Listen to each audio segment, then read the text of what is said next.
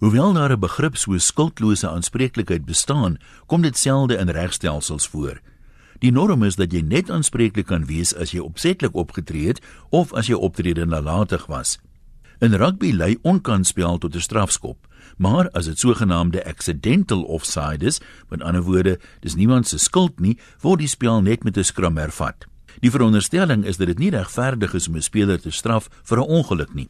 Skuld moet teenwoordig wees in die vorm van opset of nalatigheid, net soos in die meeste regstelsels. Ongelukkig word dit nie konsekwent toegepas nie. Ek verstaan heeltemal die rugbybasis se bedoeling om spelers te beskerm teen beserings as gevolg van gevaarlike of vuil spel. Ongelukkig het hulle met die huidige reëls die dam heeltemal onder die eend uitgeruk. 'n Strafskop is een ding, maar rooi kaarte wat links en regs uitgedeel word is iets heel anders. Iemand op die reëlmakerskomitee moet tog 'n bietjie gesonde verstand hê om die breër prentjie te kan insien of is ek nou oor optimisties? Natuurlik kan dit gevaarlik wees om kontak te maak met 'n speler in die lug, Hy kan beheer oor homself verloor en op sy nek of skouers te lande kom. Ek het ook al gesien hoe 'n stormerspeler afgestuur word nadat hy op 'n nat veld gegly het voordat hy kontak gemaak het met 'n speler wat gespring het om die bal te bemeester. Volgens die reëlboek was dit die regte beslissing, maar 'n man wie se voete onder hom uitgly, verloor ook beheer oor homself. So hoe moet hy nou kontak verhoed? Kwaggasmister Rooikaart het 'n super rugby eindstryd bederf waarvoor meer as 61000 mense kaartjies gekoop het en miljoene vir TV-regte betaal is. Die naalbytstryd was skielik glad nie meer gelykop nie. Al het mense steeds hulle naels gebyt, maar om ander redes. Die rugbybaase probeer kliphard wêreldwyd om die spel te bemark, maar 14 spelers wat moet probeer om 'n trofee te wen teen 15 spelers is plain swak bemarking.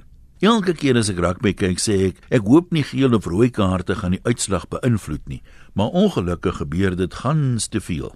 Die skeieregter se beslissing was tegnies korrek, maar as jy na die kyk weer kyk, sal jy sien hoe Kwagga Smith se oë rek toe hy skielik vir Avili hier bokant hom sien. Hy lig sy hande op, waarskynlik om homself te beskerm, maar ten spyte daarvan tref die Crusader speler se heup hom in die gesig, sodat hy self neerslaan. Avili land op sy nek en skouers, maar die punt is dat Kwagga niks kon doen om dit te verhoed nie.